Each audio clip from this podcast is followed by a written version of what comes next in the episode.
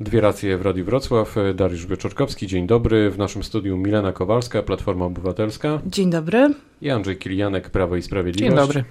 Szanowni Państwo, e, Ibris e, przeprowadził sondaż dotyczący mowy nienawiści. Ponad 80% respondentów e, spotkało się z przejawami takiej mowy osobiście, najczęściej w internecie i telewizji, informuje Rzeczpospolita. To nie napawa optymizmem. Pani Milena Kowalska. Zgadza się, to są bardzo zatrważające statystyki. E, prawda jest taka, że przemoc generalnie była obecna chyba od zawsze, ale zawsze staraliśmy się walczyć z przemocą, która była, objawiała się jako na przykład przemoc fizyczna, a tu mamy nowe zjawisko. To, że przemoc istnieje, się nie zmienia, ale zmieniają się kanały jej dystrybucji.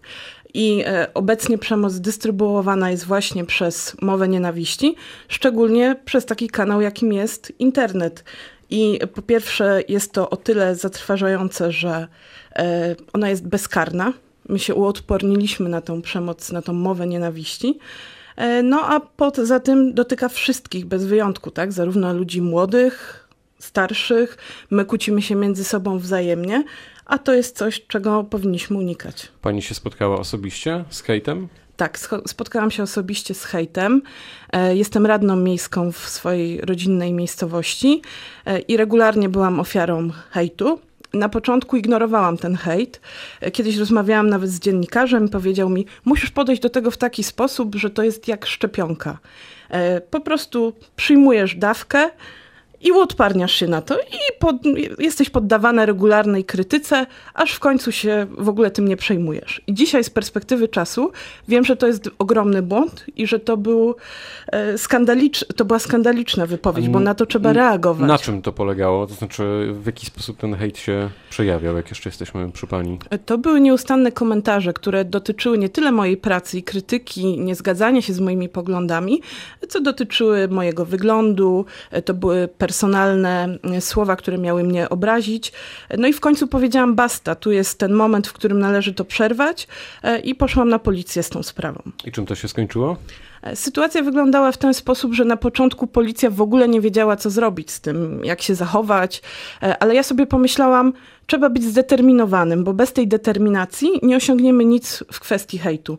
No i e, znalazłam taki paragraf, który mówi o tym, że funkcjonariusz publiczny na służbie, jeżeli jest obrażany, to automatycznie jest to przestępstwo ścigane. I poprosiłam o ściganie tego właśnie e, z tego paragrafu. E, no i przez kilka miesięcy trwało to postępowanie, szukano tej osoby, która się w ten sposób wypowiadała. E, okazało się, że jest to młody chłopak, bezrobotny, który jak powiedział policjantom, kiedy ja wychodziłam na mównicę, w niego wstępowały takie emocje, z którymi nie potrafił sobie poradzić.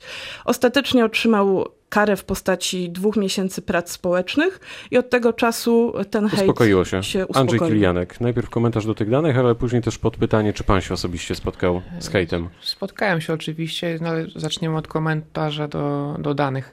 No, żyjemy w świecie konsumpcjonizmu, a niestety przemoc i, i, to jest coś, co się dzisiaj w świecie sprzedaje. To nie mówimy tutaj już tylko o, o samym hejcie, ale mówimy o w pewnym rodzaju popkulturze naszej, o tym, co, się, co oglądamy w kinach, co czytamy, y, co widzimy na co dzień tak naprawdę. I do, do tych materiałów dzisiaj mają dostęp y, tak naprawdę ludzie w każdym wieku, zależy od rodziców, czy, czy to kontrolujemy. I to wchodzi, to wchodzi w krew i kończy się, kończy się tak, jak się kończy.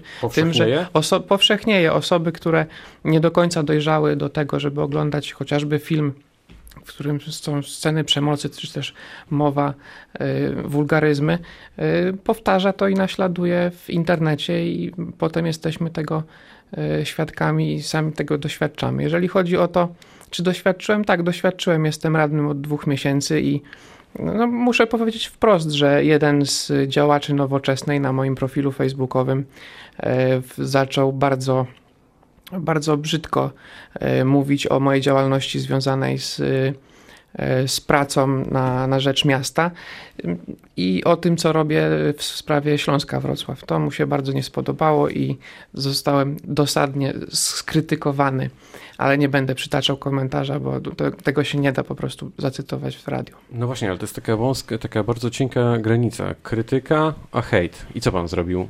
Przeszedł pan na tym Czy to, to był do porządku dziennego? Przeszedłem na, do porządku dziennego, tylko wie pan, my w internecie nie jesteśmy anonimowi. To nie był człowiek, który się chował za anonimowym kontem, to był działacz nowoczesnej, który ma z politykami, z radnymi, z moimi znajomymi zresztą z Rady Miasta zdjęcia na, profilu, na profilu facebookowym, także nie ma żadnego problemu, żeby do takiej osoby y, dotrzeć. Ja to dzisiaj zignorowałem, tak? ale no, musimy mieć świadomość, że taka droga do niczego nas nie, nie doprowadzi. A skąd Państwa zdaniem e, w nas jest tyle negatywnych emocji? No bo tutaj śmiało możemy stwierdzić, szczególnie po tych e, tragicznych e, wydarzeniach w Gdańsku, że gdzieś to się już ulało, to znaczy to się stało w Gdańsku, natomiast doszliśmy do ściany.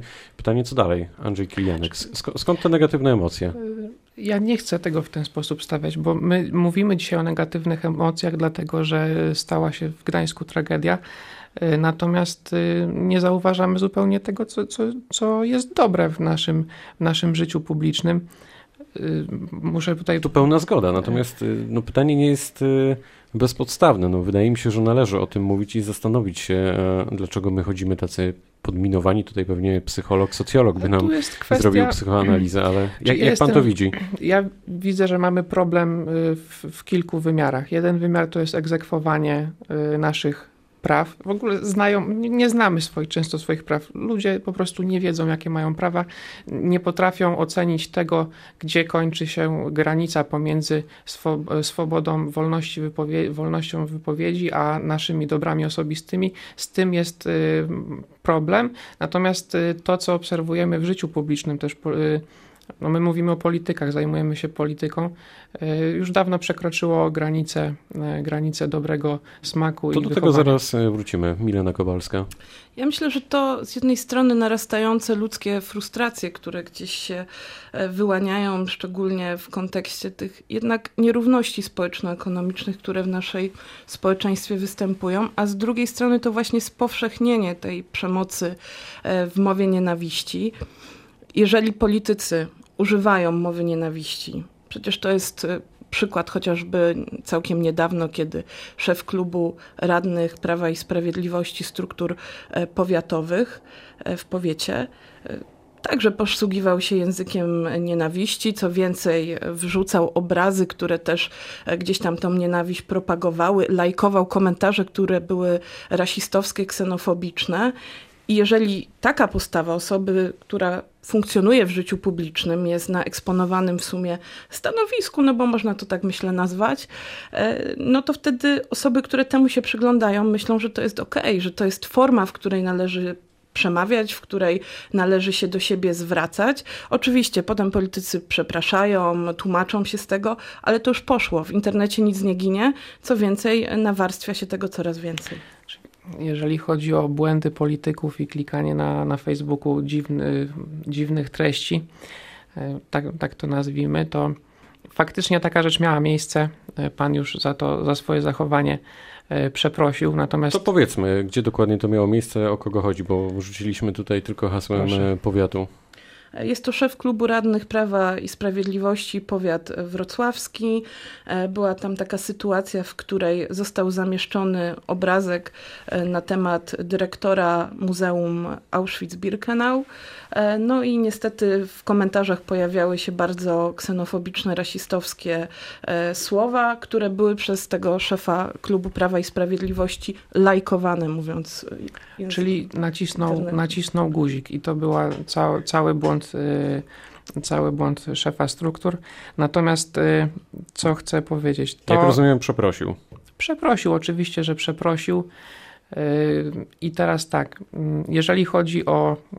Nie chciał, bardzo nie chciałem wchodzić tutaj w wymianę wymianę przykładów, natomiast no, w tym momencie muszę przypomnieć panią Kingę. To, to moment, e, y, bo, bo ja też nie chciałbym, żebyście teraz e, państwo się tutaj przerzucali kolejnymi przykładami, ale e, to jest poniekąd kolejne moje pytanie. Czy, czy to nie jest tak, że państwo jako politycy trochę czujecie się za ten naprawdę już wątpliwy poziom debaty publicznej odpowiedzialni?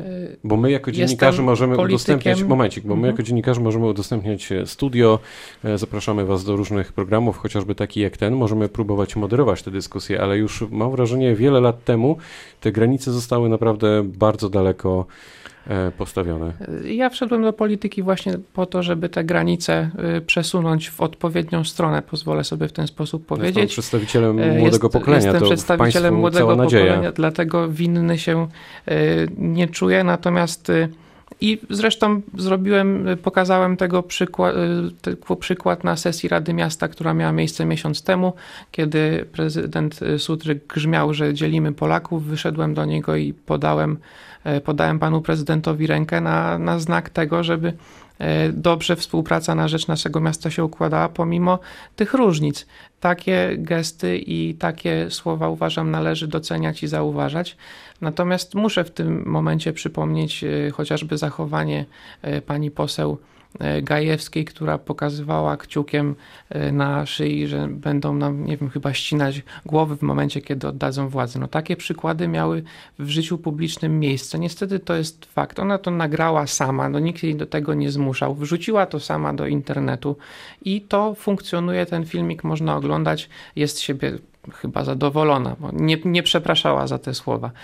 I to jest problem, który występuje. Natomiast jest kolejny przykład, pan powiedział o dziennikarzach. Ja wczoraj miałem bardzo nieprzyjemną sytuację, bo dziennikarz Gazety Wyborczej skłamał na temat moich zarobków. Ponieważ już jakby e, tutaj e, nie mamy możliwości skonfrontowania się z tym dziennikarzem, to też nie chciałbym e, tak, ale ja muszę powiedzieć jasno, tego, że o 20 tak? tysięcy tak? okazało się, że zarabiam 20 tysięcy więcej niż zarabiam. To zawsze ma pan prawo do tego, żeby napisać, wystąpić o tak sprostowanie. Jest, ale tu to nie świadczy dobrze o, o poziomie życia publicznego. Pani Milena Kowalska, jak to jest z tą odpowiedzialnością polityków za poziom debaty publicznej i emocje? Jesteśmy bardzo odpowiedzialni za to. Ja idąc do sądu z hejtem też brałam na siebie tą odpowiedzialność, bo czułam się odpowiedzialna przede wszystkim za dzieciaki, które w tym wzrastają My gdzieś tam jeszcze znamy e, inne kanały rozmowy, inny sposób rozmowy, ale jednak trzeba pamiętać o tym pokoleniu, które wzrasta w tym i które nie zna innej drogi. E, media też są bardzo ważne. Trzeba tutaj podkreślić to, że wiele portali nadal umożliwia anonimowe komentowanie i tam wtedy ten hejt jest dużo bardziej spotęgowany i to też należy ograniczyć. Choć podkreślmy, w sieci nie jesteśmy anonimowi. anonimowi. Nie jesteśmy anonimowi, e, więc jesteśmy za to odpowiedzialni i właśnie w młodym pokoleniu jest właśnie szansa na to, żeby to zmieniać e, i promować zupełnie inne postawy. To macie dużo do zrobienia. Pytanie na sam koniec, czy te kampanie do najbliższych wyborów do Europarlamentu i do Parlamentu będą inne, Państwa zdaniem, Pani Milena Kowalska? Ja myślę, że po tej tragedii, która się wydarzyła, my wszyscy musimy wziąć z tego lekcję i nie może być już takiej nienawiści w kampaniach wzajemnego przerzucania się. E, Platforma Obywatelska ma swój program, który jest konkretny i myślę, że na tym będzie bazowała w kampanii, na konkretnych propozycjach dla e, Polaków, z których będą mogli skorzystać e, i nie ma już miejsca na nienawiść i wszyscy musimy sobie to jasno powiedzieć.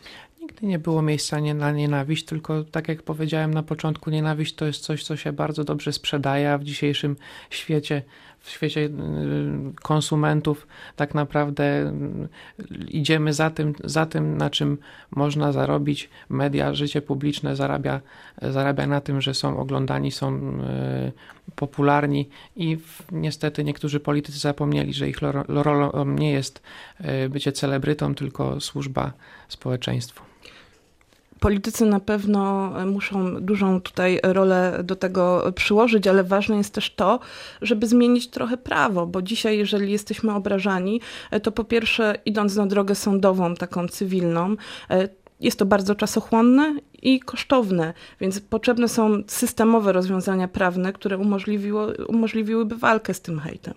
No to e, w Was między innymi nadzieja, żeby to prawo też nadążało za rzeczywistością. Tutaj stawiamy kropkę. To były dwie racje w Radiu Wrocław. Milena Kowalska była dzisiaj naszym gościem Platforma Obywatelska. Dziękuję bardzo. I Andrzej Kilianek, Prawo i Sprawiedliwość. Dziękuję. Pytał Dariusz Wieczorkowski. Dobrego popołudnia.